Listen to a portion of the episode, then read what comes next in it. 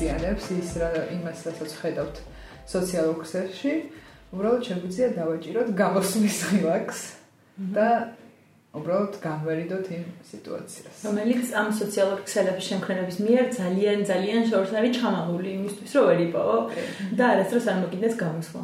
თუმცა არის ასეთი ვილაკი და დღეს ჩვენ ვისაუბრებთ სოციალურ მედიაზე და მის გავლენაზე ჩვენს ყოველდღიურობაზე და ჩვენს მენტალურ ჯანმრთელობაზე, იმიტომ რომ პოდკასტი გვაქვს მენტალურ ჯანმრთელობაზე.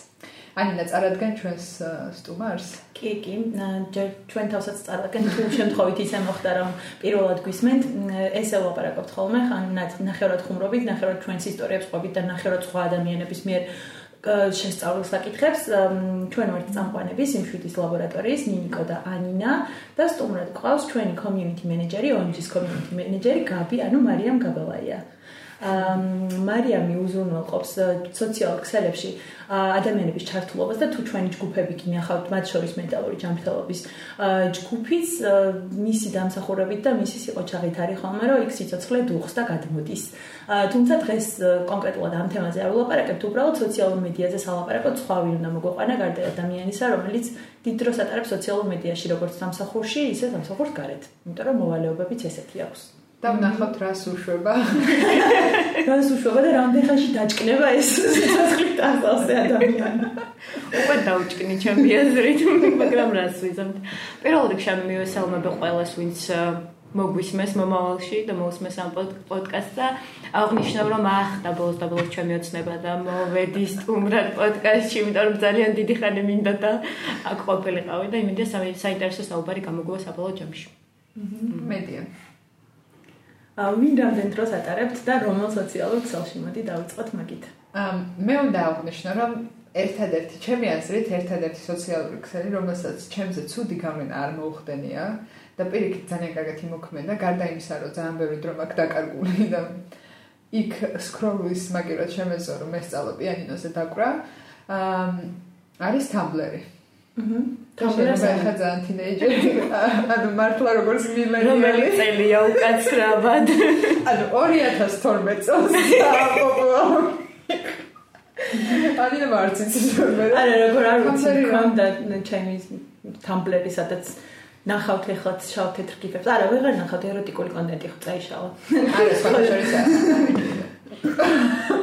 მე მეგონა რომ იტყოდი რომ LinkedIn-ი. მეც მოგესალმებით, იმაშლე რა გითხრა.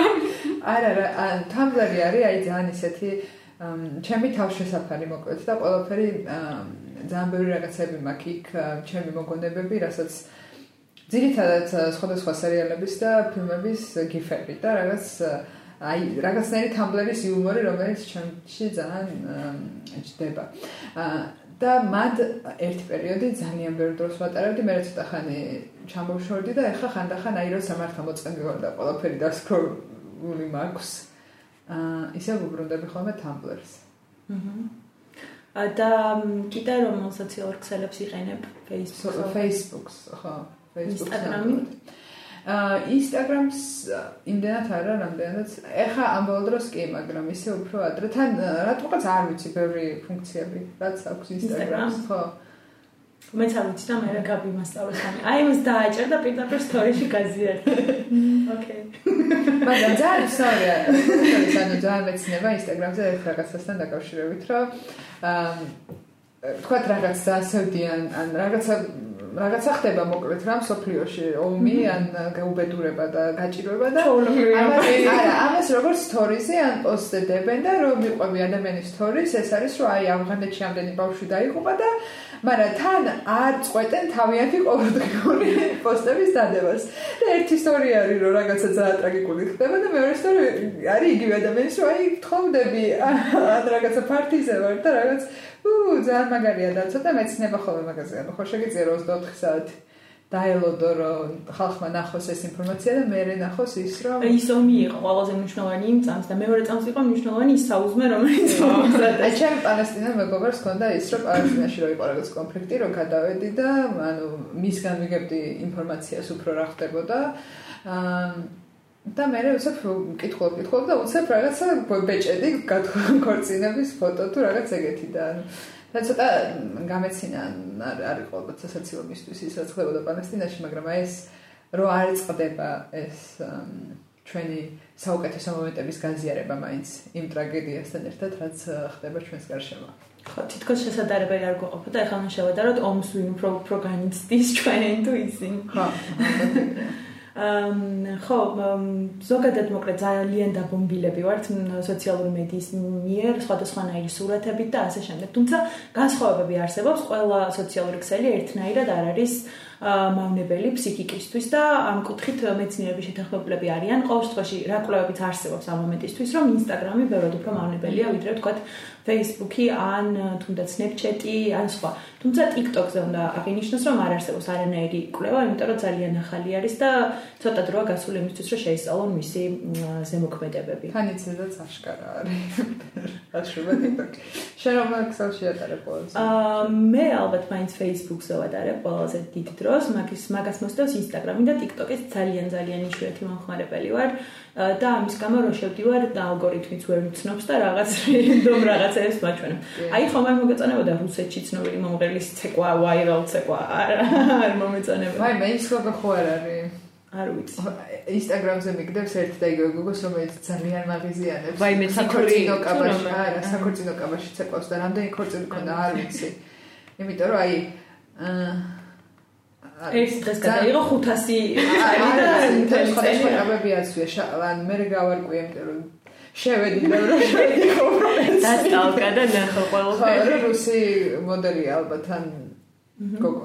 საქორწილო მოდელი. საქორწილო მოდელი.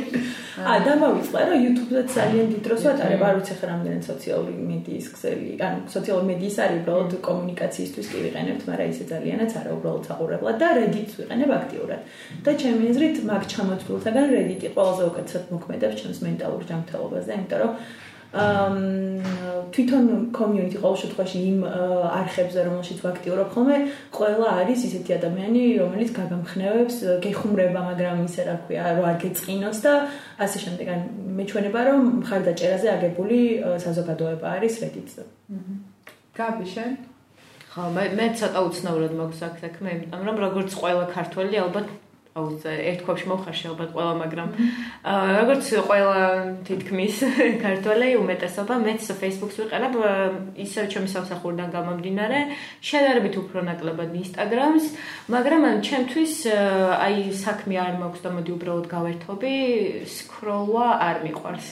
ანუ ეს უბრალოდ თავისუფალი დრო მაქვს და წავალ ეხა დავსკროლავ და ნახავ რა ხდება მაგას არ ვაკეთებ Facebook-ზე და Instagram-ზე. ჩემთვის ეგეთი რაღაც დრაგი ესე რომ ვთქვა, არის TikTok-ი, სადაც მაქვს იდეალური ალგორითმი, რომელმაც ყველა ჩემი ინტერესი იცის და მე მგონი მიცნობს.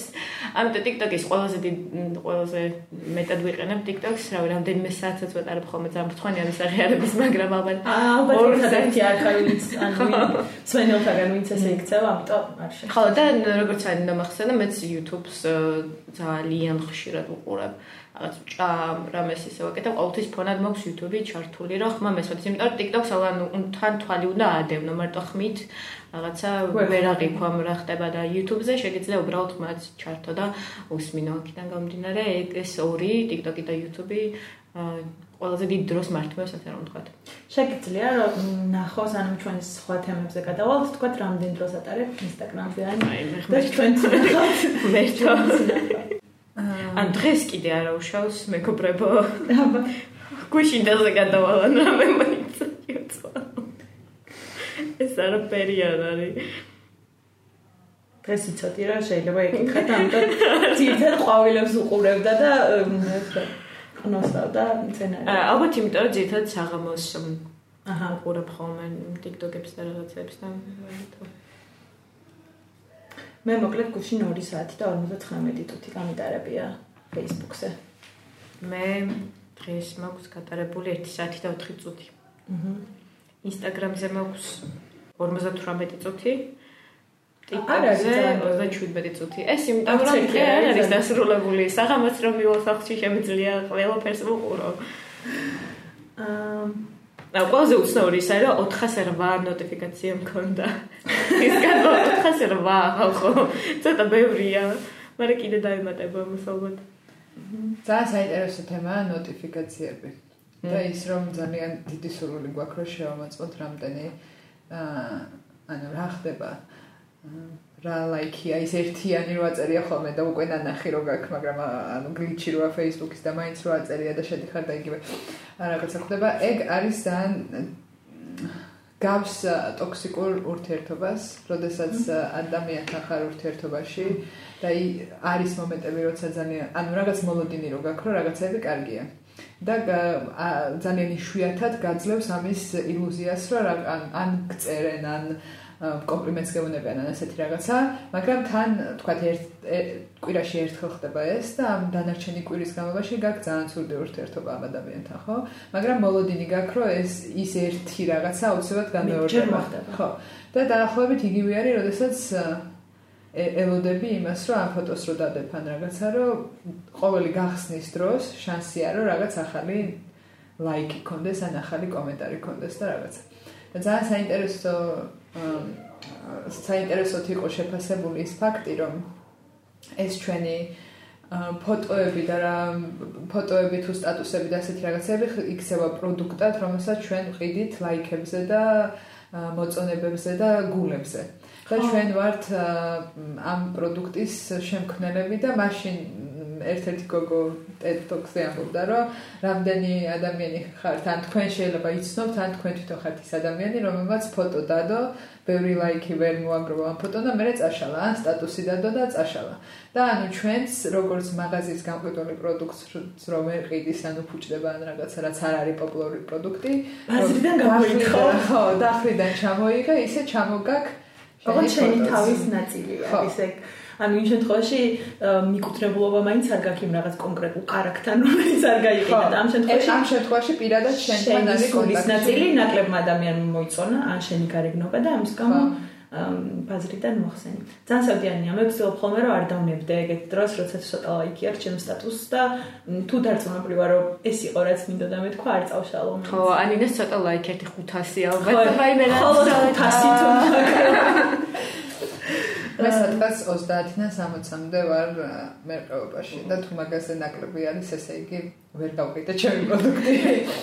და მე მაქსიმალურად მიმესალმები, რომ მე მგონი წარმატებას, რაც არ უნდა უცნაური იყოს, წარმატებას უზრუნველყოფს ის თუ აი ძალიან არ გეტყობა რომ ღელა მაგ წარმატებაზე რა, ანუ თუ უბრალოდ იმიტომ ამბობ რომ რაღაც ის თქმა გინდა არა იმიტომ რომ ლაიქები მოგროვს, რა თქმა უნდა ყოველს გვაინტერესებს საბოლოოდ რამდენ ლაიქს აიღებს, მაგრამ თავიანთი მაგათვლით თუ არ დაიწყებთ მოკლედ რომ ეხა მე დავწერ პოპულარულ რამეს.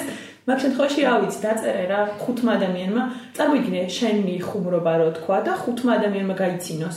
საერთოდ არ გეცოტავება იქ ხოლმე ანუ ოთახში რო ხარ ხუთი ოთახში 10-დან 15 რა გაიცინოს. 20-დან 15 რა გაიცინოს. ის ხუთი ადამიანი მნიშვნელოვანია, იმიტომ რომ მიხვდნენ რა და სოციალურ ქსელში ახლა 5000-დან 5 რო ეცინებ, თან შეიძლება სულ 10 ამოუგდო და იქიდან 5 გაიცინა, შენ ეგეც არიცი რა. და ამიტომ ის ადამიანები დააფასეთ, მოკლედ ვინც მაგას კილაიქებთ რა და რა, just ვიღაცა ხომ მოიწონა და შეგეც წაშალე. ეგრე რომ შეხედოთ. ხო, არც მე არ ხოლმე. არასდროს აი ფიქრობ შეიძლება ერთხელ წამშია და თავი დამნაშავეთ მიგზია რატო დავშავეთ ხო და იმის მე აღარ წამშია ხო, არ მეც წამშლია, უბრალოდ ფიქრობ ხოლმე, მე უფრო მაწუხებს ეს ფაქტი, ვიდრე მომეშვაკი არა ვეიქით მაწუხებს. აი მე მარტო Facebook-ზე რაღაც მემორიში რომ მიგდებს ხოლმე შვიდი წელს უკანე cringe ფოტოებს და რაღაც უაზრო სტატუსებს, აი მარტო მაგას ვიშლით რაღაც. ალბათ იმიტომ რაღაც ეს ვალიდაციის საჭიროება ნაკლებად აუ რა შევიქე თავი. ვალიდაციის საჭიროება ნაკლებად მოხს და დიდად არ მაინტერესებს ვინმე დალაიქებს თუ არა. იმიტომ ვაზიარებ რომ ანუ ჩემი ანგარიშია, ჩემი პროფილია, რასაც ვინ მინდა იმას გავაზიარო და დიდად არ მაინტერესებს ვინმე მოიწონებს თუ არა მაგას. ყოველ ჯერზე რომ ვიღაც იწონებს, თავიდან არ კითხულობთ ხოლმე. აი, მაგრამ ეგ კი. ვაუ, რა კარგად მithქვამს ოჩო. უცნაურია. მოკლედ დღეს ა ორი რაღაც მინდა და მე თქვა ერთი ის რომ ზოგადად გაითვალისწინეთ რომ ჩვენ არ ვართ არც ერთი ფსიქოლოგები და ფსიქოლოგი და არ ვართ კვალიფიციური კადრები ამ თემაზე სასაუბრად უბრალოდ ვართ ადამიანები რომლებსაც გვივა ინტერესებს ეს თემა და შეიძლება ეს იყოს ისეთივე საუბარი, რომელსაც ყურს მოკრავდით მეგობრების წრეში. ამიტომ მაინც და მაინც ჩვენს რჩევებს ნუ მიიღეთ ძალიან ძალიან სერიოზულად, არ ჩვენა ვართ ძალიან ძალიან სერიოზული ხალხი.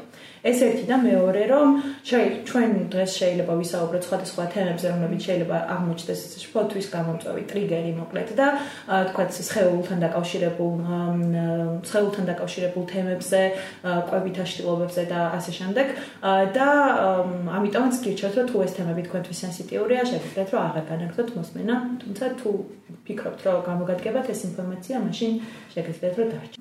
რამდენი წლის განმავლობაში მოკლედ ერთ-ერთი მწერალი ჯინ ტვენჯი რომელიც არის iGen ეგეთი ციგნი მაგის ავტორი აგროვდა მონაცემებს თინეიჯერების მენტალური ჯანმრთელობის შესახებ და სოციალურ მედიის გავლენას სწავლობდა თინეიჯერების მენტალურ ჯანმრთელობას და აღმოაჩინა რომ ჯენზის გოგოები, ანუ 1996 წლიდან დაბადებული გოგოები, ყველაზე მეტად არიან დეპრესიისკენ და შფოთვისკენ მიდრეკილები.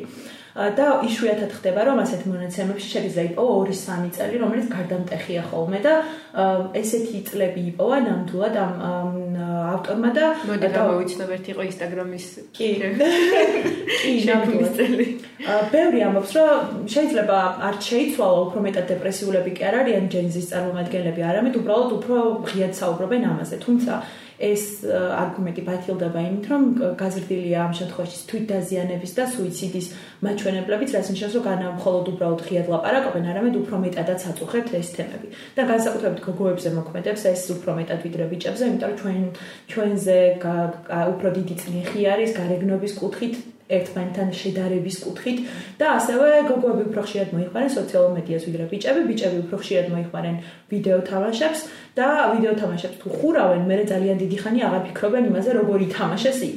განსხვავებით სოციალურ მედიისგან, როცა თქვა TikTok-ს თუ დადებ, მე ძალიან რთულია დაივიწყო ეხა ამ TikTok-ს ვინმე მოყურა თუ არა, რა შეფასებები მისცეს, რა კომენტარი, აი ხარ ახდება იმ TikTok-ზე, რომელიც დადე ან სურათზე, ასე შემდეგ, ანუ შენი ტვინის დიდ ნაწილს არიკავებს თუ თქვათ რა სხვა რამეს აკეთებ და ამთავრებ რა.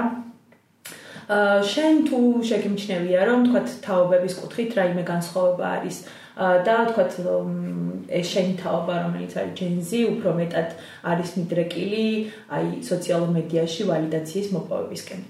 კი, რა თქმა უნდა, მაგას უძღებას ვეთანხმები, რომ ნამდვილად მაგეთკენ არიან მიდრეკილები და იმასაც ვეთანხმები, რომ უფრო მეტი მიმღებლობაა და უფრო მეტი ღიაობაა ესე რომ ვთქვათ.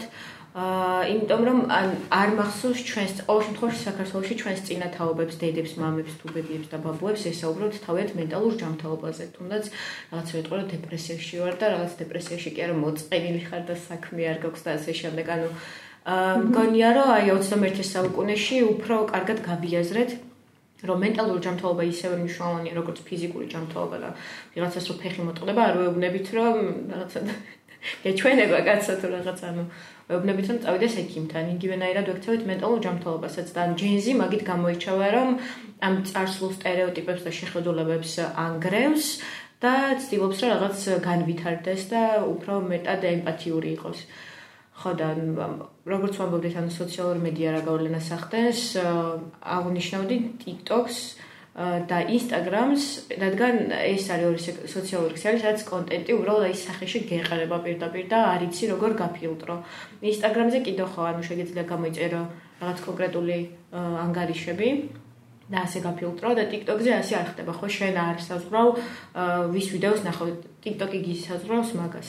და მით უმეტეს რამდენ ერთხელ ერთხელ მაგაზეც კი იყო სკანდალი, რომ თვითონ TikTok-ი ლამას გამხდარდა თეთრკანიან გოგოებს ანიჭებდა უპირატესობას და ალგორითმი მათ ვიდეოებს უფრო ხშირად აკეთებდა და ვიდრე სხვა კრეატორების და ეს ამბავი ნუ გამჟღავნდა ასე რომ თქვა.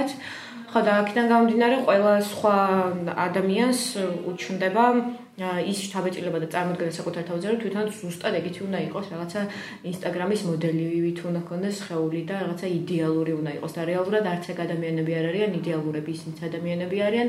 გარკვეული რაღაც ნაკლი ცოტა ისეთი სიტყვა რაღაც უპირატესობა ხო უპირატესობებით და არა უპირატესობებით კი ზუსტად და ჩვენ გვაქვს ის განსხვავება, რომ მაგალითად მე და შენ უფრო თანატოლები ვართ და გაბი უფრო პატარა არის ჩვენზე. და ჩვენი თინეიჯერობის ასაკში, როდესაც ძირითადად გიყალიბდება თვით შეფასება, მაგ დროს არ ქონდა ესეთი წვდომა სოციალურ ქსელებზე, როგორც ეხა გაქვთ თქვენ.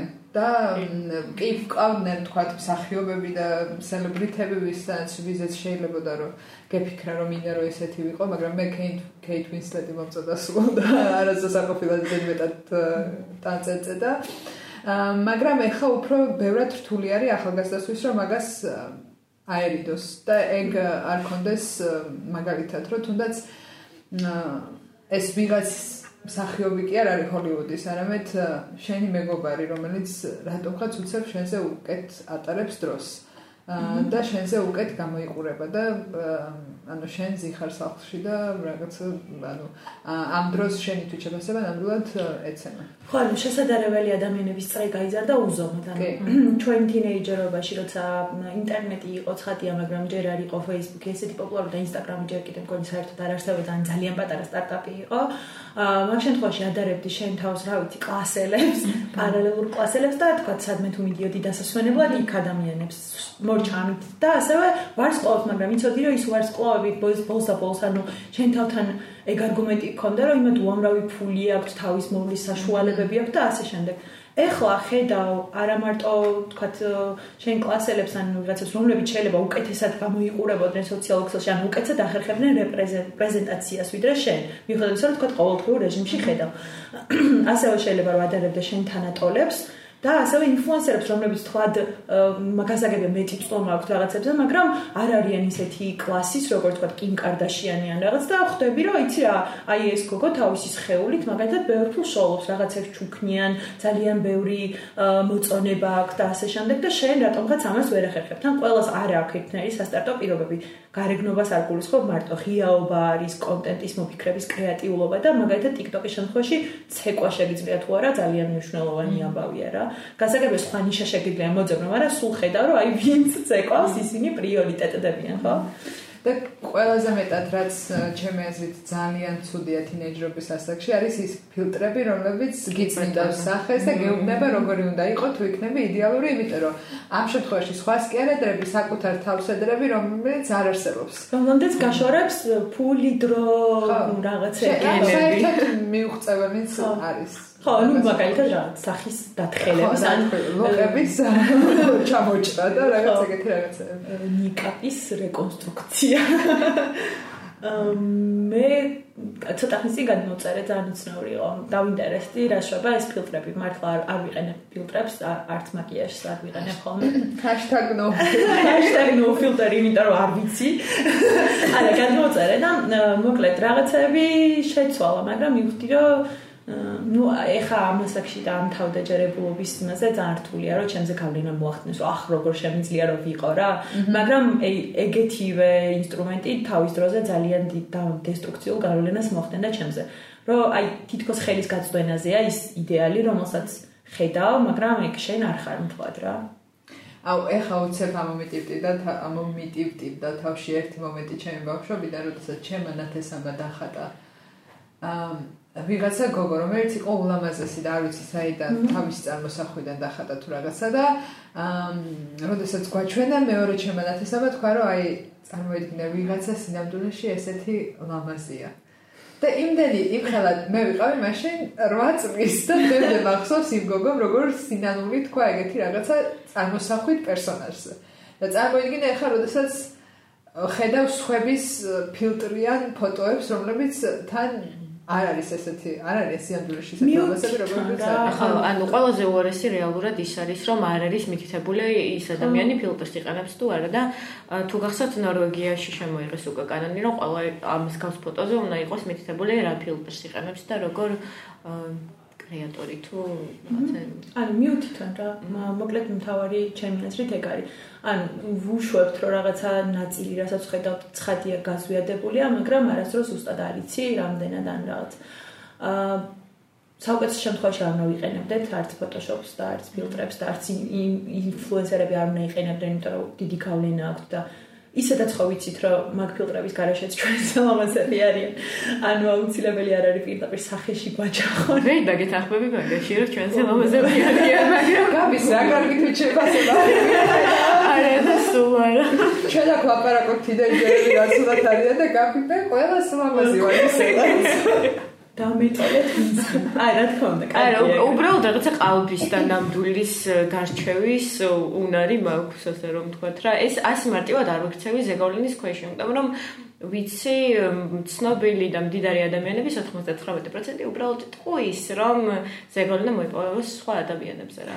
ეგ ძალიან კარგი აზრია, რომ ყოველთვის როცა უყურებ რაღაცას, უნდა იფიქრო, რომ არ არიან ადამიანები ისეთი ბედნიერები, როგორც ხო, ანუ ეს არის უბრალოდ კრიტიკული აზროვნება, რომ კითხვები უნდა დასვა და ყველაფერი ისე არ უნდა მიიღო, როგორცაც გაჩვენება. და ანუ ეს არის საუკეთესო მომენტები ჩვენი ცხოვრებიდან, რომელსაც ვაზიარებთ.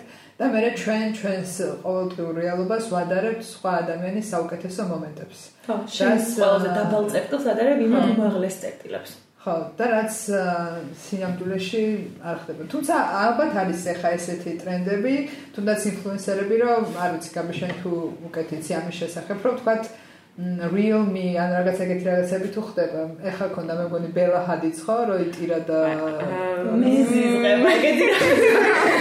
მაგეთი გულწრფელად ნაკითხა, რომ აი Instagram reality რო არის და მე რეალური ცხოვრება თუ რაღაც ის რეალური ცხოვრება კიდე 1000 თვალშია გატარებული როგორი უნდა იყოს რეალური რომ თამამაზი იყო ტირილი სასამო მაგალითად, მაგრამ მეორე ნაწილი ყველაზე მეტად რაც მაღიზიანებს არის ჯეროდ განან ხოლმე მაგალითად ფიტნეს ინფლუენსერი დგას გაჭიმული და ესე რაღაც ზურგი გამოწეული ასე შემდეგ და მე მე რო ზის და აი ნახეთ ეს არის რეალური და ერთი ცალისაც უნდა ვინაკეცი რო აქ რომანის ნაკეციც არ არის. ანუ ეგ ეგ კი არა ეგ არავის არ ამშვიდებს რა არავინ ეგეთი ეგეთიც არ არის როცა მოხრივი ზის ანუ უფრო სხვანაირად გამოვიყურებით. და ვიღაცები ამ ნაკეცებით შოულობუց რეჟიმში ცხოვრობენ ანუ განა მარტო მაშინ როცა იხრებიან. ანუ იმის თქვა მინდა რომ ისინი რო ცდილობენ რომ ვითომ ჩაულებრივი პონტია ეგ რა და აი ნახეთ მეც ჩაულებრივი ადამიანი ვარ და როცა ვიხრები ოდნავ სადღაც რაღაც გამომდის ძალიან ყალბია ეგ ყველაფერი რა. ანუ ნუ ნუ ეტენებიან მაგ თამაში მოკლედ მაგის თქმა მინდა რა.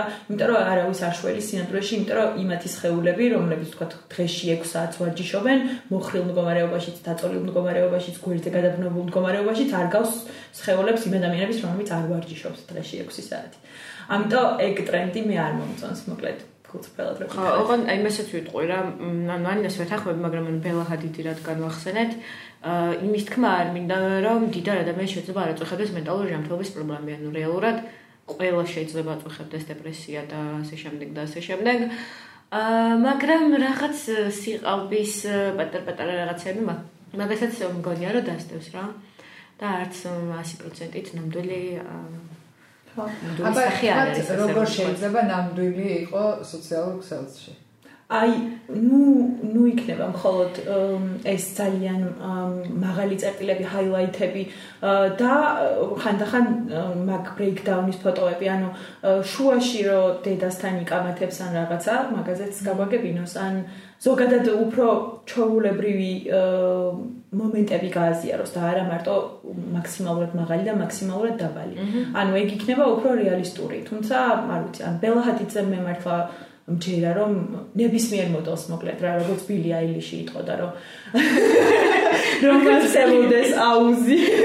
უნდა მოდელების ცემლებით იქნებოდა სასწრაფო ხო ესეა. კი კი. ხო ან ყველა მოდელს დარწმუნებული ვარ რომ ძალიან ძალიან დიდი პრობლემები აქვს მენტალურ ჯანმრთელობასთან დაკავშირებით რომ წნეხი წარმოიდგინეთ რამხელა არის მაგრამ ასევე ეგეც გასათვალისწინებელია რომ მე ხანდახან თქვათ რომ გამოვლენ ხოლმე და ეხლა მე მინდა რომ თქვენთვის უმტკინეულეს თემაზე გელაპარაკოთ და რაღაცას რო იტყვიან პატარა თმა მომდის აქეთ. ანუ ცოტა მიწაზე დაშვება თუ შეუძლიათ, ეგ იქნებოდა ყველაზე კარგი გამოსავალი ალბათ. მაგაზე გამახსენდა კენდელ ჯენერმა რომ აუ ხმერთო. რა მაგალითი მოხავს, მაგრამ კენდელ ჯენერმა რაღაც ისტატო პრივიუ ვიდეოსი რომ რაღაც ძალიან მნიშვნელოვანი უნდა თქვა და ხალხს ეგონა რომ ვაიმე აი რაღაცა ჭირს და რაღაც დაემართა და თქვა რომ აკნე აქვს ხალხო და ამას მიუძღვნა რაღაცა უშველებელი ვიდეო და ამის იტირა ვიდეოში. ანუ კი არ ვაუფასურებთ იმ პრობლემას რაც აქვს, მაგრამ თერმონოგრაფია არის საუკეთესო და მე მოყოლა ჩოლბროდ რაღაც ხაზის რეკლამა. ხო, რეკლამა. უბრალოდ რო გამოგწყვეტო და ამაში რეკლამა იყო. კი, კი, ცხადია, უბრალოდ რო გამოგწყვეტო და მაშინ კიდევ გასაგები იქნებოდა რა ეგ. უბრალოდ მეტალობა საცდელი იყო ამ პრობლემის გადმოცემის ფორმა. თუნდაც ის მოდელები, რომლებსაც ჩვენ უყურებთ წლების განმავლობაში და არიან ულამაზესები ფოტოებზე, ისინიც კი არ გამოიყურებიან სინამდვილეში ისე, როგორც გამოიყურებიან ფოტოებზე და მათთვისაც როდესაც თავიანთ დაფოტოშოპებულ თავს უყურებენ, ალბათ ეგეც ძალიან დამაზიანებელი უნდა იყოს. აა და მახსოვს ზუსტად არ მახსოვს რომელიმე მგონი ან სავარაუდოდ ის იყო რა ქვია გეორგის შემქმნელი ნინა დანემი რომ უჩილა ერთად ხო ჟურნალზე ჩელა იმიტომ რომ დააფოტოშოპეს მისი მისი შეეული და რო წვრილი გამოიყვანეს. მე თქონდა ეგეთ შემთხვევა მე არ მიჩივლია, მაგრამ რაღაც კორპორატიული ფოტოები გადაგუგას ამ სამსახურში არა, სხვა სამსახურში და პოდკასტის ეს არ გადაგვიდა. ხო, არა. და მე რე გამოაგზავნეს და მოკლედ დათხელებული ვიყავი იმ ფოტოებში და აი ძალიან ორაზროვანი შეგრძნებები მქონდა, რატო გადაწყვიტა ფოტოგრაფმა, რომ თავისი სურვილით რაღაცები შეეცვალა. ანუ შენ ის ადამიანი არ ხარ, ვისაც ფოტოგრაფს ეუბნება გამხდარი გამომაჩინე. არა, მე ის ის ადამიანი, რომელიც ეუბნება, რომ არ განამიღო წვერია. ანუ მართლა. აა, ხო და ზოგადად ნეგატიური გამოცდილება რაც არსებობს სოციალურ ქსელებთან დაკავშირებით, რამდენიმე არიას უკავშირდება. პირველი არის გარეგნობით უკმაყოფილება. ანუ მიუხედავად იმისა რომ მართლა ვიცით რომ ეს არ არის მათი ბუნებრივი მდგომარეობა ჩვენ თავს სულ ვადარებთ არის კიდევ fear of missing out, ანუ რაიმეს გამორჩენის შიში, ანუ შენ თუ არ ხარ, არ დადიხარ ფართებზე, არ მიდიხარ რაღაცის პრემიერაზე, სადღაც არ ჩექინდები, რაღაც საჭმელს არ ჭამ, გონია რომ რაღაცებს აკლდები და ეს არის მიზეზი, რის გამოც ბევრი ადამიანი ვერა უქმნის მაგალითად სოციალურ ანგარიშებს, იმიტომ რომ გონიათ რომ ამ შემთხვევაში მეგობრებს აღარც გაახსენდებათ და შემოწმებაც არავის არ უნდა მაინც და მაინც მაგალითად. და თან ესე მგონია რომ ყოველ შემთხვევაში ჩემი გამოცდილება ისეთი არის და გაბი ალბათ შენიც ეხარ რომ შენი სამსახური არის ყოველთვის მიჯაჭვული განსაკუთრებით საქართველოში Facebook-ზე. და მე გიდად მუშაობ ძალიან დიდი ხანია და ყოველთვის არის იმის შანსი რომ თუ Facebook-ი არ გავხსენი და არ შევამოწმე რომ ვიღაცა ხო არ ნახულობს რა ვიღაცა ხო არ ეძებს გიც ან ასეთი რაღაცა ან შეიძლება ვიღაცას რაღაცა ეწეროს ან რაღაც მაინტერესებდეს და ჯგუფში უნდა დავწერო და ასეთი რაღაცები. და ამ დროს გჭირდება Facebook და მე უბრალოდ ვერ აკონტროლებ იმას, რომ მხოლოდ მაგისტვის გამოიყენო და სხვა რაღაცებისთვის არ გამოიყენო, ეგ ძალიან რთულია, რომ ეგ გააკონტროლო. ხო, ანუ რეალურად ინფორმაციის მიღების წყაროა ძალიან დიდი, რომელიც აი ძალიან იშვიათად რომ ვიღაცას არ ჭირდებოდეს Facebook-ი. აი მართლა არ ჭირდებოდეს. აი აი არ არ მგონი არ შემხვედრია ეგეთი ადამიანი საერთოდ და თუნდაც პროფესიულად ან ისე სწავლის მხრივ რაღაც აი უნივერსიტეტში რო სწავლობ რაღაც მასალის მოძიება გჭირდება და ვიღაცის დახმარება გჭირდება და სხვაგაც აი როგორ უნდა დაუკავშირდე ხო? ამ ეტაპზე მithumedes პანდემიის პერიოდში შეშჯგუფელებს ან კურსელებს ან რაღაც ან ძალიან წარმოუდგენელი იმიტომ რომ მნიშვნელოვანი როგორც ინფორმაციის მიღების წყაროა ისე კომუნიკაციის არხია შენ თუ ქონია სურვილი რომ წაგეშალა ყველა სოციალური და არ წამიშლია თუ რა? მოგვიტევია ბანდა არ წამიშლია არასდროს და ახლა ანუ მაგის ახსნას ვცდილობ რომ რეალურად აი რომ გითხრათ რაღაცა შინაგანად საჭიროებს სოციალური მედიის ქონას აი ეგ ეტაპი მგონია რომ არ მქონია ცხოვრებაში. მიხედავთ იმისა რომ ძალიან ბევრი ინფორმაციას ვიღებ რაც მჭირდება. არის პერიოდები, როცა ახლა აღარო ყველგან ჩემი სამსახურით მიდმულია, მაგრამ იყო პერიოდები, როცა უბრალოდ ან არ საჭიროებდი არაფერს იმ არც Facebook-დან, არც Instagram-დან, ამიტომ ყველაფერი წაშვილი მქონდა და არა ერთი და ორი დღის განმავლობაში კვირების და რამდენჯერმე მგონი თვეების განმავლობაშიც. საერთოდ არ ვიყენებდი და არ იყო ეგეთი ცუდი ცხოვრებაც ასე რომ გიჩქართ მეგობრებო. თუ ხვდები აბა თუ შეგიძლია რომ გითხრა თუ დაკვირვები ხარ რა იყო განსხვავება მაშინ? აი შენ თავის დღეები როგორ გადიოდა? აი იყო კი კი კი, ნამდვილად უნდა აღნიშნო დღეები როგორ გადიოდა. დღე გადის ისე ნელა, ოღონდ ცუდად ნელა არა, სასიამოვნოდ ნელა და აღმოჩნდა რომ რეალურად იმდენი დრო გაქვს ისეთი რაღაცების საკეთებლად რაც აქამდე გოიში არ მოგივიდოდა რომ აი მართლა ძალიან სასიამოვნოა იმიტომ რომ მიაზრებ რომ მართლა 24 საათი არსებობს დღეში და არ რაღაცა 3 საათი. თან ყოველს რო გქს ეს ტელეფონის შემოწმების ჩვევა და სკროლის ჩვევა და ყველგან რო უნდა დუატარო ტელეფონი და რო იაზრებ რომ ეგ აღარ გჭირდება მართლა თითქოს რაღაც დამოკიდებულებას იშორებ. და რაღაცნაირად თავისუფლად გრძნობ უფრო თავს და ეგ მოშორებული მქონდა მაგ პერიოდში რა. ხო, მე გული მისკდება ყოველჯერზე, როცა რაღაცაზე ქვემოთ ჩამოდის ელემენტი, ზუსტად მაგ მიზეზის გამო, რომ სულ ვამოწმებ და პლუს მაგას მე კონკრეტულად რისთვისაც ხმარობ. სახში ისე ხშირად არ ხმარობ, რამდენადაც გარეთ რაც უცნაურია თითქოს, მაგრამ მე ვიყენებ ამას რაღაც უსაფრთხოების კი არა და თავდაცვის ფორმატში ან თუ თქვა თუ ხეხულად გზნობ თავ სიტუაციაში სულ ერთია ეს ტაქსი იქნება სალონი იქნება თუ უცნობების თუ ნაცნობების წრე მაგ შემთხვევაში სკროლავ და მაგ შემთხვევაში ვიწერები და ასე შემდეგ. ამიტომ არის რომ ჩემთვის შიშულად დარჩენას გავს როცა მიჯდება ტელეფონი სხვა შემთხვევაში ესე ხშირად არ ხდება სახში როცა მარტო ვარ უთვალავ რამეს ვაკეთებ ნაცვლად იმისა რომ სკროლ და მე ხან ხან მეუბნები რომ აი სათხარ ხოლმე რამდენიმე საათი 6 საათის არ აქტიური რო ვიწერია მაგალითად რა. ან როგორც წესი სახში ვარ მაგ დროს და ქუჩაში რომ მიდიხარ და რომ გინდა რომ ვიღაცას თვალი აარიდო და ტელეფონს რა აიხედე უბრალოდ არაჩვეულებრივი შესაძლებლობა არის მოტერით გადავიდე ანუ რამდენიმე მომენტი არის როცა არ ვიყენებ მოკლედ იმას რა ქვია ტელეფონს და ერთი არის როცა სკუტერზე ვდგავარ და ეგ ძალიან კარგია იმიტომ რომ ტაქსი თუ დადიხარ უოჭველი იხედებ ზოგი საჭესთანაც იხედება ხო? და როცა იოგას ვაკეთებ იმიტომ რომ ვარჯიშის იგივეს ვერ ვიტყოდი ყოველ ორი ვარჯიშის მერე ორი წონის აწევის მერე ეგრევე ეგრევე სკროლობ და იოგაზე ეგეთი საშუალება არ არის. ამიტომ ეგ პატარა მომენტების და ფანჯრების რომლებიც შეიძლება გააკეთო როცა არ გამოიყენებ სოციალურ მედიას საკმაოდ გმუხტავს იმისთვის რომ დანარჩენი დღე ჩვეულებრივი იყოს. მაგრამ ყველაზე უცნაური ის არის რომ ესენი შექმნილია იმ სწორედ ისეთი დიზაინი აქვს რომ შენ ისინი ამოწმო და ეს ხმები ფერები რაღაცები ყველაფერი ისეთია რომ შენს ანუ გათრიგერებს და გიზიდავს რაღაცნაირად. მე ძალიან გამიმართლა. ну, რაღაცეებში ცოტა ხელი მეშლება, მაგრამ საბოლოო ჯამში ძალიან გამიმართლა, რომ ჩემს ახალ ტელეფონს ჭირს ესეთი რაღაც, რომ არც ერთი ნოტიფიკაცია არ მოდის. და შეიძლება ვიღაცები გამწერებული წერენ, მირეკავენ, მაგრამ მე თუ არ გავხსენი და არ შევედი იმ აპლიკაციაში, ვერ ვიგებ და აა სულ მეუბნებიან რომ მი მიიტანე იქნებ გაგიკეთე და რაღაცა ასე მე მე და რაღაც ფეხს ვითხრევ და ვიყავი სხვა შორის ოღონ ლეპტოპის გასაკეთებლად და მეთქი ამასაც ხო არ აკეთებთ რაღაც ესე ცალკეც ვკითხე და რავი გვანახეო ერთიო და რაღაც რომ მიმეცი ეს ტელეფონი. არა ალბათ არ გეცოდინება და რაღაც ვიდო და რომ ვერ გაიკეთებინათ და საბოლოო ჯამში ჯერ კიდევ არ გამიკეთებია და ესე დღეში არის ჩემი ნერვული სისტემა რომ ძალიან გამშვიდებულია. ნუ არის ხოლმე მომენტები რომ ტურისტი მწერს და მე ორი დღის მერე ვეუბნები რომ კი იმცადია. და ის გეუბნები უკვე ჩეხეთში ვარ. მაგრამ არა უშავს რაღაცნაირად მიგერს ის რომ ამ კონდეს ცოტა თავისუფალი გონება.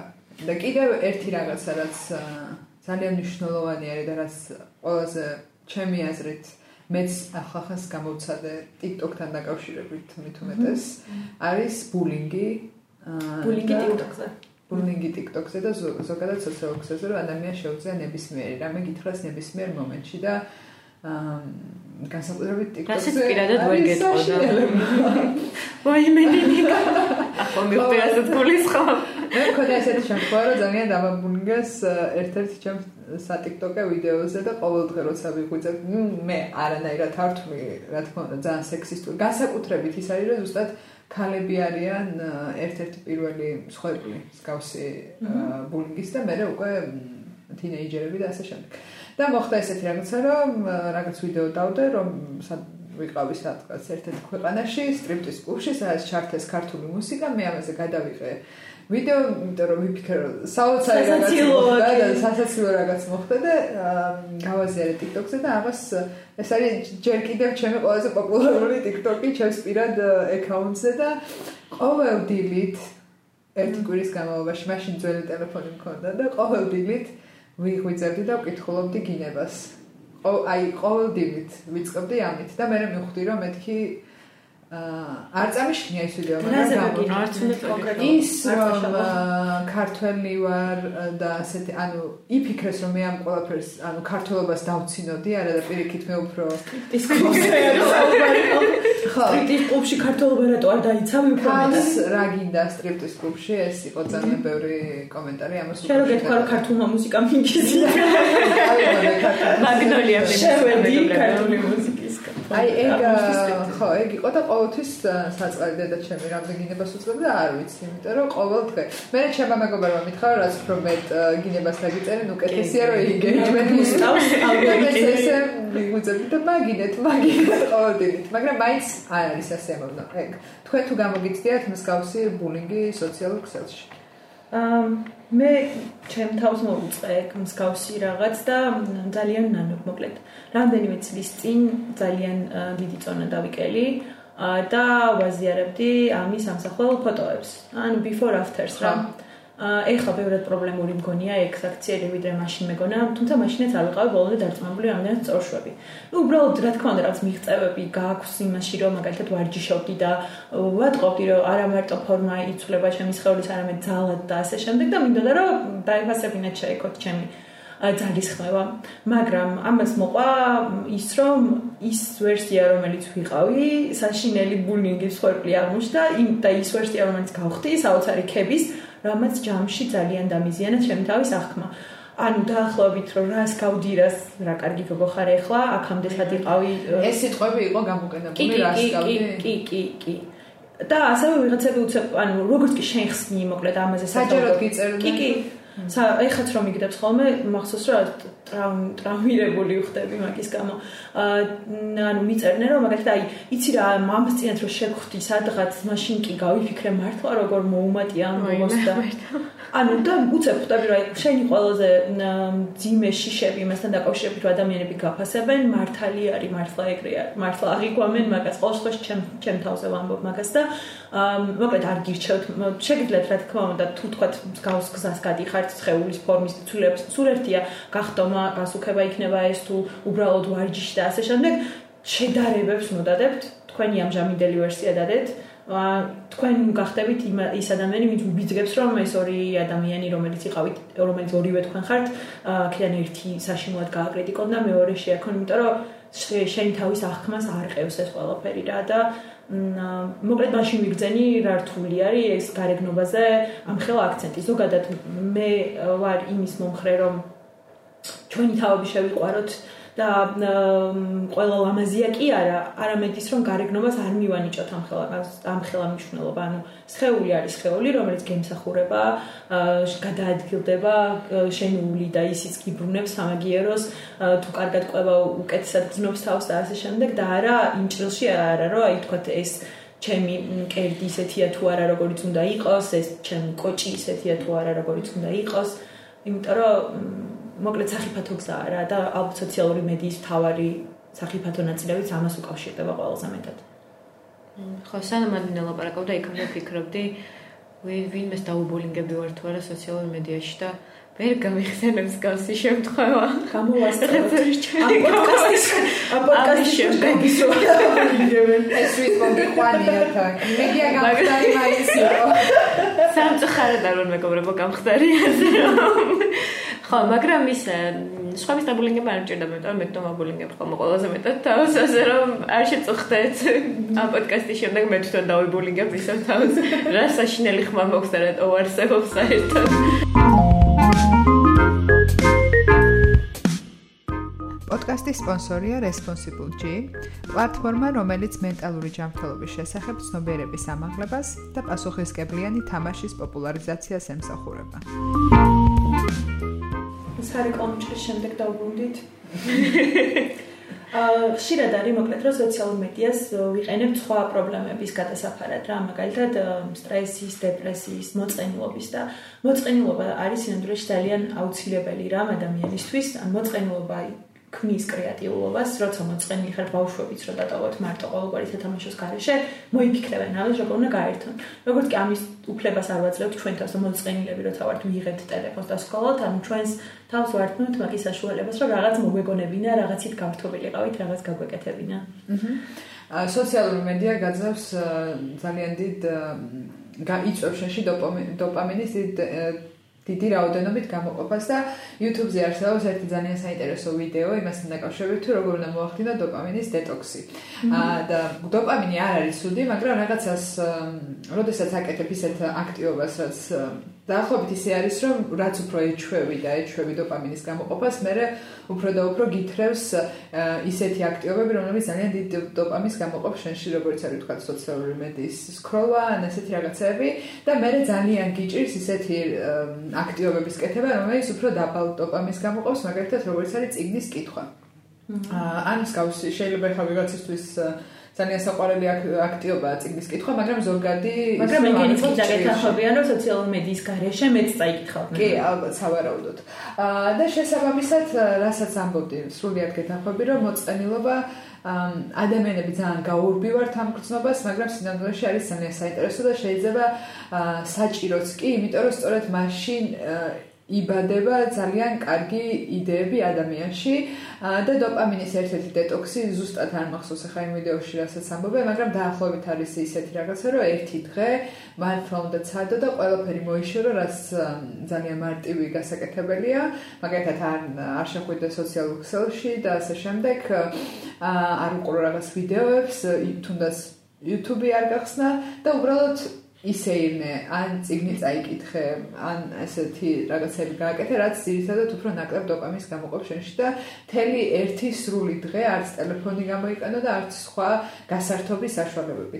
მე დავაკვირდი ამას ჩემს თავზე როდესაც ძალიან ხშირად არის რომ როდესაც დავდივარ სადმე ან სალაშქროთან უბრალოდ ჰაიკინგზე ან ესეთ რაღაცაზე ყოველთვის მაშინ ან მარშრუტით მგზავრობისას ძალიან ხშირად მომდის სტენდაპის იდეები. აა თუ კი არ უსმენ რაიმე მუსიკას ან რაღაც ვიდეოების ყურებით არ ვარ გართული და ამას ჯერ კიდევ ჩემი სკოლის ასაკიდან მივხვდი, იმიტომ რომ ბოლოს არისთვის გჭირდებოდა რაღაც სცენარის დაწერა და თბილისში ვიყავი წამოსასვლელი და რუსთავში ცხოვრობდი მაშინ და ეხაც გარკვეულწილად რუსთავში ცხოვრობ და უკანა გზაზე რომ მივდიოდი ჩამომიყალიბდა მთელი სცენარი როგორ უნდა გაგვეკეთებინა ბოლოს არის მე არ გავაკეთეთ ისე მაგრამ მაშინ არ მქონდა ის. სტილობი დრო გაგეყვანა ხო და რაღაცებზე მე ფიქრა და ყოველთვის ახლა როდესაც რაღაც ბლოკი ანუ რაღაც ვერ ფიქრობ რაღაც ახალი იდეები არ მომდის ან რაღაცა ყოველთვის ვცდილობ რომ გავისერინო ვიარო და ბოლოს როცა ვცადე ეგ და და ანუ სადღაც მივდიოდი თან უსმენდი რაღაც პოდკასტს და ეს სიარულის აქტიობა რომ დამთავრდა და სახში მოვედი და რომ ფიქრობდი რომ აი ეხა მომივა იდეები ისე აღმოჩნდა რომ არაფერი იდეა არ მომივიდა მაგრამ მე მივხვდი რომ ჩემი გონება არ იყო მოწყენილი იმ მომენტში და რაღაცა ძალიან საინტერესო კონან ობრაინის პოდკასტს უსმენი, მაგრამ ძალიან საინტერესო იყო და სუდი არ იყო ჩემთვის, მაგრამ იმ მიზანს ვერ ემსახურებოდა. ამიტომ მაგალითად, როდესაც ტურისტებთან ერთად მივდივარ, ხოლმე მაშინ ხო ვერ მუსიკას უსმენ, ვერც ვერაფერს და ნუ ისე არ გვაქვს, რომ ყოველ წამს ვაპარაკობდეთ, განსაკუთრებით თუ ჰაი, ანუ თუ სალაშქროთ მიდიხარ და რაღაც კილომეტრები გაქვს გასავლელი და ძალიან ხშირად ყოფილა რომ უკარო დაუბრუნებლად თუნდა დაუბრუნებულ ვარ თუნდა ძალიან დაღლზე რომ დავწოვი ვარ და ღამის 3 საათია თუ რაღაცა ერთ-ერთი ჩემი ყველაზე პოპულარული სტენდაპები და წარმატებული სტენდაპები რაც ყოფილა და მომიფიქრებია სწორედ მაგ დროს.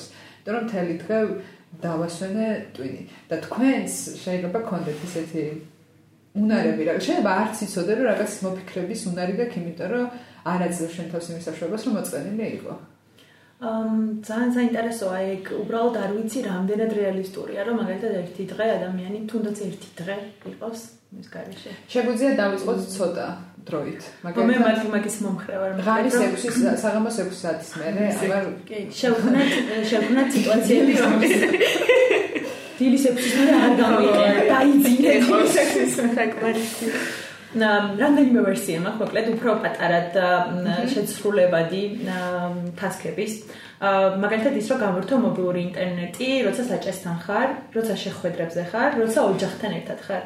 აი, უბრალოდ მაქედან რომ დავიწყოთ. ასევე ჩემი და ჩემი მეგობრებს გვაქვს ხოლმე ეგეთი თამაში, თქვა სადმე თუ მივიდივართ კაფეში, ტელეფონები გვერდზე გვიდევს და ვინც პირველი ჩაიხედავს ტელეფონში ნოტიფიკაციაზე საუბარი ხელგაცემ თუ დაურეკა უპასუხოს ის იხდის მთელი სამეგობროს ხას კაი იდეა ძალიან ხო შესაძლოა არავინ არ იყურება როგორც წესი და ნუ რაღაცებს ვიგონებთ ხოლმე და მაიმუნოთ ან მაგალითად მithkoms მithkoms სხვა მეგობრისთვის რომელიც ამ შეხვედრას არ ესწრება რომ დაუმეზიჯოს ზახში ვიღაცას რა ჩაიხედოს. აი ესე ვერთობით ხოლმე ასევე შოუს რო დადო როცა გძინავს რომ პირველი როგორც კი გაიგოძება არ იყოს ის რომ მაგაში ჩაიხედო ნოტიფიკაციები მაქსიმალურად გამორთეთ ზედმეტი ყველაფერი და ასევე შეგიძლიათ რომ Facebook-ი გაუგოთ მობილურში და გამოიყენოთ მხოლოდ Messenger-ი მობილურიდან და სოციალური მედია გამოიყენოთ მხოლოდ ლეპტოპიდან. იმიტომ რომ ლეპტოპი ლეპტოპი ესე ხშირად არ დაგაქთან და შეგიძლია რომ რაღაცნაირად მოზომო. თუმცა მინდოდა რომ კარგი მხარეებიც აღვენიშნა სოციალური მედიის, მთლად ესეთი მიწაში არ ჩავდოთ ხო მე სენსაციაა ერთ-ერთი ის რა ქვია ძველი თაობის ინტერნეტელი ანუ ძალიან ბევრი გადაცემა ბლოგი, ყველაფერი მქონია სოციალურ მედიის სიკეთეებზე, იმიტომ რომ ციფრული მარკეტინგის მენეჯერი ვარ მეც მოწოდებით და აა ძირითადად იმ ადამიანებს ვეკავათები ხოლმე, რომლებიც ამბობენ, რომ აი წადით ყვავილები მოწყვიტეთ და ასე შემდეგ ვეკამათებოდი ყოველ შემთხვევაში, მაგრამ ეს იყო პროგრესული მხარე რო ტექნოლოგიები და ის იყო ცოტა წიგნი და გაზეთი და ასე შემდეგ. ეხლა სხვანაირად ვფიქრობ, მაგრამ რაღაც ნაწილები მინდა და ვერდი ეხლა. მე დავერდი რა არის ხახო, ერთმანეთს კონტაქტეთ კაფეში Wi-Fi გათიშეთ და ერთმანეთს ელაპარაკეთ. არა ეგ ეგ ადამიანი მაინც არ ვარ, უბრალოდ ჩვენ თვითონ დავაკონტროლოთ მეტნაკლებად რა ჩვენი თავები და ეს გადაცემაც მაგას ემსახურება ეს პოდკასტი.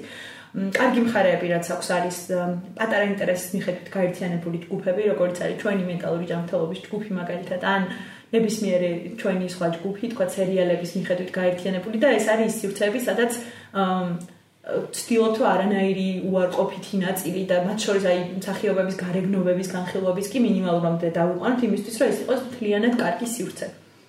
ასევე ძალიან მნიშვნელოვანი არის LGBT ადამიანებისთვის, რომლებიც უფრო მარტივად პაულობენ თანამოაზრეებს, პარტნიორებს, ასე შემდეგ, ანუ უფრო გახსნილები არიან, იმიტომ რომ თავიანთვის აკეთებენ უსაფრთხო სივრცეებს განსხვავებით რეალური სამყაროსგან. სოციალური უნარების მქონე, ნაკლებობის მქონე ადამიანებისთვის, იმიტომ რომ შფოთვა და ასე შემდეგ ნაკლები არის, როცა პირისპირ მიდის ურთიერთობა. და ასევე სოციალური კამპანიებისთვის, მაგალითად, MeToo ვერ იარსებებდა, რო არ არსებობდეს ინტერნეტი და ძალიან რთული იქნებოდა ახლა ქუჩაში გოგოები შემოიკრიბო და უთხრა რომ მე აა შერას ფიქრობ, შენთვის ბიზნეს არის კარგი სოციალური მედია. აუ როგორც ანამ ჩამოთხოვა, რა თქმა უნდა, ყველაფერში ვეთანხმები, მაგრამ აა არ დახმება და ესე გწოდება სინამდვილე. ხო, ალბათ ყველაზე დიდი და ყველაზე კარგი კარგი შესაძლებლობა, რასაც სოციალური ქსელები გვაძლევს, არის კომუნიკაცია. ჩვენ საყვარელ თუ არა საყვარელ ადამიანებთან, რაშიც მე ყველაზე მეტად მეხმარება, იმიტომ რომ ყოველდღურად ვერ ვნახულობ, ვერ ვახერხებ უბრალოდ.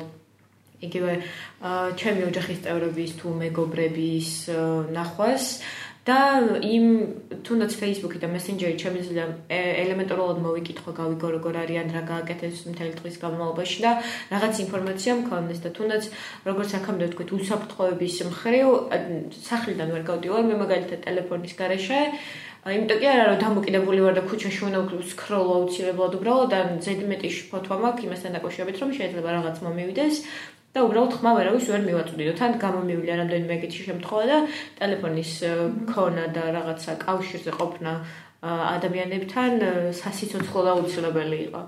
ასე რომ ამას დავამატებდი.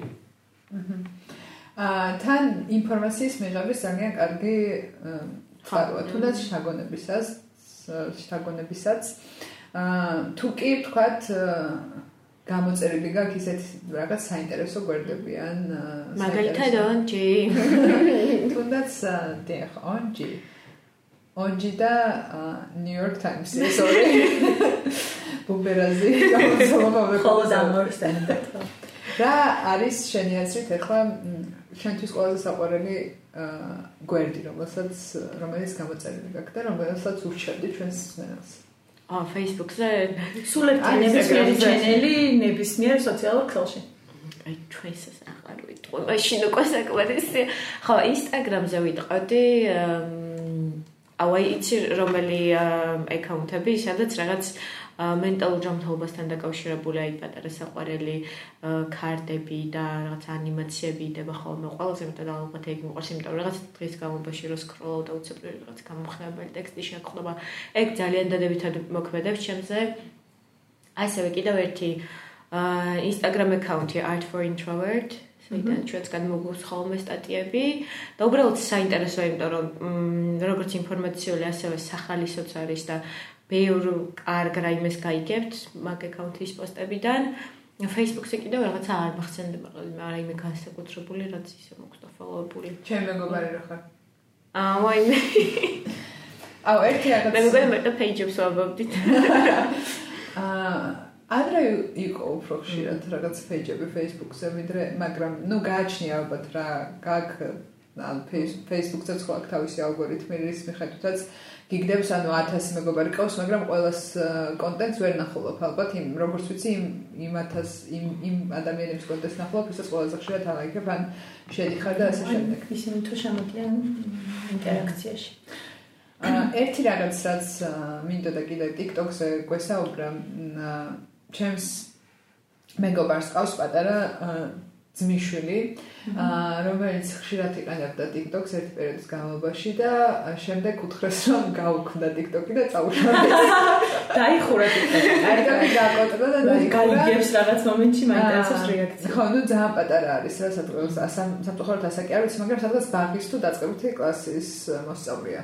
აა თორსები ბაღის, იმიტომ რომ მე მგონი ახლა საერთოდ ვიყავი. ძალიან პატარა გამოსაყვანად. ხო, მაგრამ ძალიან პატარა და აა ნუ ჩემ მეგობარი ამბობდა რომ ამ თავის მიშულს ქონდა რაღაც მიმიკები თუ არ ვიცი რაღაც რაღაცები რასაც TikTok-იდან ქონდა გადმოღებული და თითქოს ეს არისო ჩაულებრივი ბავშვის აქციონი და როგორც კი წაშალეს ძალიან მალევე მოხდა აი ეს ცვლილება. აი შენ როგორ შეგიმჩნევია ეგეთი რაღაცები? თუნდაც შენ შეიძლება შენს მეგობრებში ან რაღაც სახე ჩემს საკუთარ თავში არ შემჩნევია თუ ანუ ხო მე TikTok-ის ის არის ტრენდები და რაღაც საუნდებს რასაც ვეთახეთ ამ მუსიკა რაც ადევს. ზუსტად ეგ სიტყვები და ეგ მუსიკა და ეგ მელოდია. მაქვს ლექსიკოში ჩაოლებრივად გადმოტანილი და ეგ საუბრობ ანუ ადრე ფაქტობრივად გაბი პრობლემის აღიარება არის პირველი აა ნუ აი თუ გახსოვთ იმედია ცოტა ისეთი თაობაც გვისმენს TikTok-ამდე იყო ვაინი. კი, ვაინი ძალიან ვაინი. როგორ გამარაგა ვიცით რა ეს ყველა ვიცი. ვიცი. ხო, ვაინი და ანუ დღემდე მივხვდი მის რა 2013-ში გაუქმდა თუ თუ ძალიან ისეთ მაგრამ YouTube-ზე ჯერაც და საუკეთესო ვაინი კომპილაციები. ანუ დღემდე ვაინის რაღაც ყველაზე ცნობილი ვაინების ლექსიკით ვსაუბრობ და ხალხი ვერ იგებს ხოლმე რომ ანუ რას გვეუბნები წამი? ხალხი და იგივე გადმოვიტანე TikTok-იდანაც და აი რა არის ეს ყველაზე ხშირად იყენებ შეგიძლია თქვა თუ არ შეგიძლია არა უშო სამორჩეთ და გავიხსენებ რა აუ კაი ოღო ჩვენთვის ვიტყვი ეს შეგიძლია დაჭასოთ ჩვენ ჩეჩინე ჩავაკ და ქართული TikTok-ერების ის რო არის წავედით უბეში homophobic და ამას წუს და ისაბოს მე ლესკო მე ვარ და ეგ ლესკო მაგაკეთებული თერს დღე მაგასაბა ლესკო წავედით ხო მეცადე მეცადე მოვიფიქრო რა საბობ ხოლმე ყოველს აა ხო ადრე ერთი პერიოდი რამდენიმე თვის განმავლობაში მქონდა აკვიატებული. Look at all those chickens. გასას ვაინა აუ მე რა ვინ ვერ მიხვდა რა ზია საუბარი. ან პატარა ბავშვია და არიან მე მგონი იხვები ფონზე. ხო და ანუ ეს ბავშვი ტრიალდება და ამბობს რა look at all those chickens. და აი უბრალოდ ქუჩაში დავდიოდი და მაგას ვამბობდი ხოლმე რა look at all those chickens. ხა კიდე მე ვერ მქონდა აკეთებული აკეთებული do i look like daddy? ეგახსოვთ მე არა. სრულ სრულიად კონტექსტად ვაბობდი ეგეთ რაღაცას, ასე რომ შენ კონდა რამე? მე თვითონ რუპოლის drag race-ის ფრაზებს. spill the tea და ასე. მე თვითონ სერიალი კომუნისტი და მაგობ ფრაზებს, იმიტომ რომ იმდენ დროს ვატარებ კომუნისტის ყურებაში, რასაც შეიძლება შენ ატარავ TikTok-ის სკროლაში. ამ ესეთი საინტერესო ექსპერიმენტი ჩაატერა Wall Street Journal-მა 100 TikTok account-ი შექმნეს ყველა ყალბი ადამიანებს დაურიგეს, მაგრამ ანუ უთხრეს, რომ კონკრეტულად რეაგირება მოეხდინათ კონკრეტულ თემებზე და სხვა რაღაცები შეხარა დაესკროლათ. მოკლედ ანუ TikTok-ის ალგორითმს ატყუებდნენ, რომ ვითომ რეალური ადამიანები არიან რაღაც კონკრეტული თემები დაინტერესებული. ერთ-ერთს ქონდა მაგალითად მითითებული ინტერესებში დეპრესია და რაღაც სხვა. თავიდან TikTok-ის ალგორითმა ამოაგდო ზოგადი ვიდეოები, რაც არის პოპულარული ვიდეოები, რომ უბრალოდ დატესტოს, თქვათ, ვინ რაზე რეაგირებს. შემდეგ ნამდვილად დავიწროვდა ეს თემები და მიხვდა, რომ ეს ადამიანი სევდიან კონტენტზე რეაგირებს. და ამავდრო ახლა ხან რომ შეყარებულს დაშორტები. ამან ეგრევე ასკროლან იგულისხმება რომ მისი დეპრესია არ იყო ფიჩთან დაკავშირებული. თუმცა TikTok-ი განაგრძობდა როგორ ვიპოვოთ ადამიანი, როგორ დავგეთოვერდეთ ამ ამ ტიპის კონტენტის შეთავაზებას. სანამ არ მიხვდა რომ ეს არ აინტერესებს. აა მაგრამ გათვლა იყო ალბათ იმაზე რომ მენტალური ჯანმრთელობის პოსტები და TikTok-ები უნდა ამოვიდო, თუმცა მაგის ნაცვლად TikTok-მა ალგორითმა გადაწყვიტა რომ უფრო და უფრო დეპრესიული კონტენტი ეჩვენებინა არა ესეთი კონტენტი რომელზეც რეაგირები იმიტომ რომ კიდე გამოხვიდე მაგიდან უკეთესად გახდე არამედ უფრო და უფრო დეპრესიული და დარკ და ასე შემდეგ. რაც თავის მხრივ იმაზე მიუთითებს რომ ალგორითმი აპრიორიტეტებს არა იმას რაც თქვათ შეგიწყობს ხელს რომ ამდენი დრო აღარ გაატარო სოციალურ ქსელებში არამედ იმას რაც პირიქით უფრო მიგაჭაჭვავს. და ეს ერთგვარი ციკლი არის რაც უფრო მოწყენილი სევდიანი და დეპრესიული ხარ მით უფრო ხშირად მოიხმარ კონტენტს რომელიც ხდის უფრო მოწყენილს ავდიანს და დეპრესულს და მეორე უფრო ხშირად მოიხმარ. ანუ ეს არის რაღაც ალგორითმის მეორე შავი მხარე რა რომელზეც ბევრს არ ლაპარაკობენ როგორც გითხარით ჯერ კვლევები არ არსებობს მაგრამ მნიშვნელოვანია მოკლედ რომ ამ საფრთხეების შესახებაც ვიცოდეთ მე მაინტერესებს თქვენი აზრით რა ხელა ადამიანის პასუხისგებლობა მაგ შემთხვევაში როდესაც რაღაც კონტენტს ქმნიან და ამას ანთავსებენ TikTok-ზე. ან რა რატომ თქვათ რამდენად კარგია, როდესაც ქმნი ძალიან დეპრესიულ ვიდეოს, ან არის თუ არა შენი პასუხისგებლობა, რომ ესეთი რაღაცები არ გააკეთო, თუ უბრალოდ თუ ეს თქვათ TikTok-ის ან Facebook-ის პასუხისგებლობაა, რომ თუ რაღაც ისეთი კონტენტია, რაც შეიძლება რომ დამატრიგერებელი იყოს ვიღაცისთვის, უნდა წაიშალოს. ან თვითონ მომხმარებლის პასუხის ან თუნდაც როგორც ბულინგზე და ესეთ რაღაცებზე ანუ რამხელა პასუხისგებლობას ანუ ჩვენ ვლაპარაკობთ ამ სოციალურ ქსელზე ხშირად როგორც თვითონ სოციალური ქსელი არის რაღაც ბოროტება და ცუდი და ჩვენზე ცუდად მოქმედებს მაგრამ თან აქ არიან ადამიანები რომლებიც დგანან ყველა კომენტარის და ყველა კონტენტის და ყველა ფოტოს უკან. და აი ამას როგორ აღიქვამთ? ჩემი თუ სისტემურ დონეზეა პრობლემა, მაგ შემთხვევაში კომპანიის პასუხისგებლობა უფრო არის, მაგრამ თუ თქვათ არის საუბარი ვიღაც ერთ კონკრეტულ ინფლუენსერზე, რომელსაც ძალიან დიდი პლატფორმა აქვს და ამ პლატფორმას იყენებს გასახდომი ჩაის პოპულარიზაციისთვის, მაგ შემთხვევაში ინფლუენსერის პრობლემაა. კომპანიების პასუხისგებლობაზე რომ ლაპარაკობთ, ესეთი კონკრეტული შედარება არსებობდა რა, ანუ თვითონ Facebook-მა ძალიან კარგად იცის, რომ Instagram-ი სულად მოქმედებს ადამიანების თვით შეფასებაზე და განსაკუთრებით თინეიჯერების და განსაკუთრებით თინეიჯერი გოგოების. და ამის შესახებ რაღაც კონკრეტული კონფერენციაც ჰქონდათ და იქიდან გამოჟონილი სლაიდები გახდა მთავარი დიდი სკანდალის წყარო. და თუ თქვათ ვამბობთ რომ დიდი ხნის განმავლობაში რომ იწოდნენ სიგარეტის კომპანიებმა რომ სიგარეტის მოწევა არის დაკავშირებული ფილტვის კიბოსთან ეს დანაშაულია რომ დამალო. იგივე არის რომ თქვათ კომპანია მიწოდეს რომ იწოს ეს კონკრეტულად რაღაცას და კონდეს თვითონ შიგნით ლაპარაკობდნენ მაგ თემაზე და გარეთ ამობდნენ რომ ისეთი ისეთი პრობლემაც არ არის სერიოზული და ჯამში უკეთესი არის მენტალური ჯანმრთელობისთვის რაც ასევე ნათქვამი აქვს Facebook-ის წარმომადგენლებს იმის ფამიდა რომ ჩვენ არ გვათავისუფლებს პასუხისგებლობა მაგისგან ან ჩვენ მან ჩვენ და შევზღუდოთ მოხმარება და კომპანია ვერ გეტყვის რომ ეხლა გადადე და დაიძინე რა ანუ მაგას ვერ გეტყვის მაგრამ უნდა არსებობდეს რაღაცნაირი მექანიზმები იმისთვის რომ თუ იციან საფრთხის შესახებ შემოგთავაზონ გადაწყვეტები რა.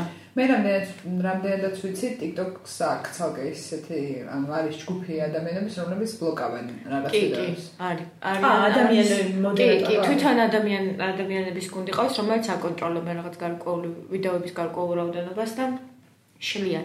და ანუ ყველაზე მთავარი რაც არის TikTok-ს ნუ უმეტეს შემთხვევაში მე როც მინახავს მოყვება ეს trigger warning ან თვითონ კრეატორები ურთავენ ხოლმე ან ვიდეოში ან თუნდაც caption-ში და რასთან არის დაკავშირებული. ჩემს ეს ძალიან მნიშვნელოვანია, იმიტომ რომ სანამ მე რაღაც TikTok-ის ვიდეოს ყურებას დავიწყებ, წავიკითხე მაგის კითხვას. კი, ხშირ შემთხვევაში არის ისე, რომ დიძე ანუ რაღაც ისე არის გამოყოფილი, რომ მოასწრო მაგის დანახვა და ასკროლო რა, იმიტომ რომ ჩემთვისაც მაგალითად არის რაღაცები, რასაც ძალიან სულ ტრიგერდები და არ მინდა რომ ნახო რაღაც არავითარი შემთხვევაში.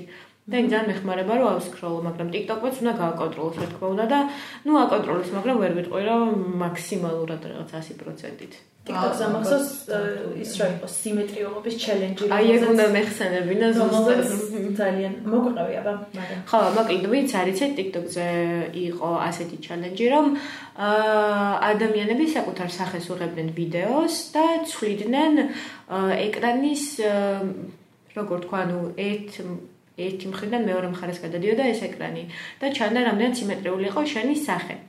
ხო და რა თქმა უნდა კრეატიულებმა ეს ტრენდი გამოიყენეს სათავისო და ყველამ დაგვანახა როგორი იდეალური და სიმეტრიული სახეები აქვთ და აა ამან ძალიან დიდი პრობლემები გამოიწვია იმიტომ რომ ყველანი ვართ ადამიანები და უბრალოდ თითქმის წარმოუდგენელია რომ აბსოლუტურად ყველა ადამიანს აბსოლუტურად იდეალური სიმეტრი იდეალური სიმეტრიული სახე ჰქონდეს და უამრავ თინეიჯერს ეგონა რომ რაღაცა მისი ნაკლი იყო ეს რომ ასეთი სახე არ აქვს და რაღაცით და ვიღაცაზე ნაკლებია რაც უბრალოდ აბსურდია. ეგეთი კონკრეტული ვიდეო იყო რომელშიც ატრიალებს თუ არა ეგრევე ტირილი უწდება ადამიანს და ის ძალიან რთული სახურებელი იყო ჩემთვის. ანუ მე ჩემთანზე ვიტყვი, იმიტომ რომ მეც რაღაცა ანუ ეგ ვიდეო არ გადამიღია უბრალოდ მოვეტრიალე მოკლედ კამერა რა ერთი მხრიდან მეორეზე რა გადავიდა. და მეც რა შევნიშნე უცებ რომ ანუ ძალიან არასიმეტრიული სახე მაქვს იმიტომ რომ ხომ ის ტრამვა მაქვს და ანუ აბსოლუტურად არასიმეტრიული და უცებ გამოვშტერდი და მეთქი აა ეს ჩემი სახეა იმდენად იმდენად ცუდა დაყუქი მომიშვა ანუ რა გარის ინფორმაცია რომელიც არ არ ანუ არ არ უნდა კონდეს მართლა იმიტომ რომ იმ მომენტში ხვდი ვაიმე ეს მე არ ვარ თუ რა რა ცხოვრებაში არის და არის ტაკები სიტუაციას რომელშიც მაგას ზომავ რა. მაგრამ აი ეგ ვისი პასუხისგებლობა.